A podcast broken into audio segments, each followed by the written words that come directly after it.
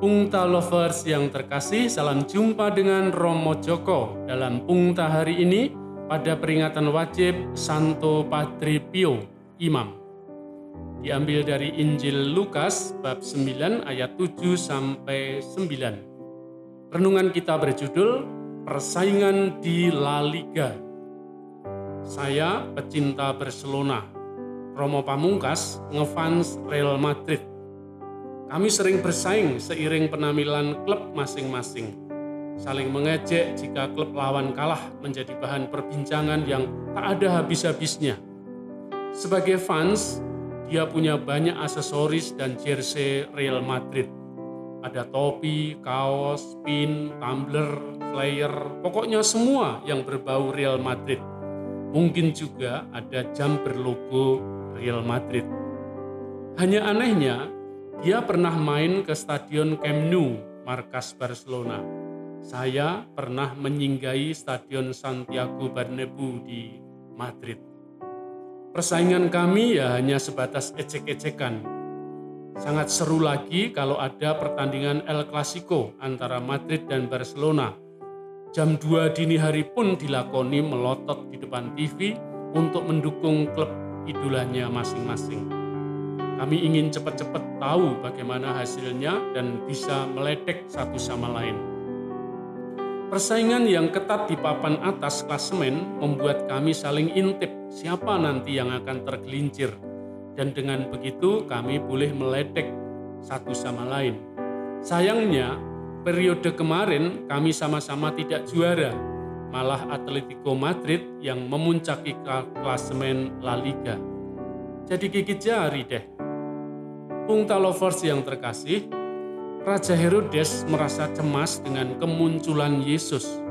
Popularitasnya sebagai raja disaingi oleh penampilan Yesus yang dipuja-puji oleh banyak orang. Herodes merasa tersaingi. Banyak orang menceritakan tentang karya dan tindakan Yesus yang banyak membuat mukjizat. Ada yang mengatakan Yohanes Pembaptis bangkit lagi ada yang mengatakan Elia muncul kembali. Yang lain lagi mengatakan bahwa seorang nabi zaman dahulu telah bangkit. Herodes penasaran karena dia telah memenggal kepala Yohanes Pembaptis. Tetapi kenapa orang ini melakukan perbuatan-perbuatan besar seperti para nabi zaman dahulu? Dihantui oleh rasa penasaran dan kecemasan, Herodes ingin bertemu dengan Yesus bukan karena mau percaya, tetapi karena dia punya motif jahat untuk membinasakan Yesus.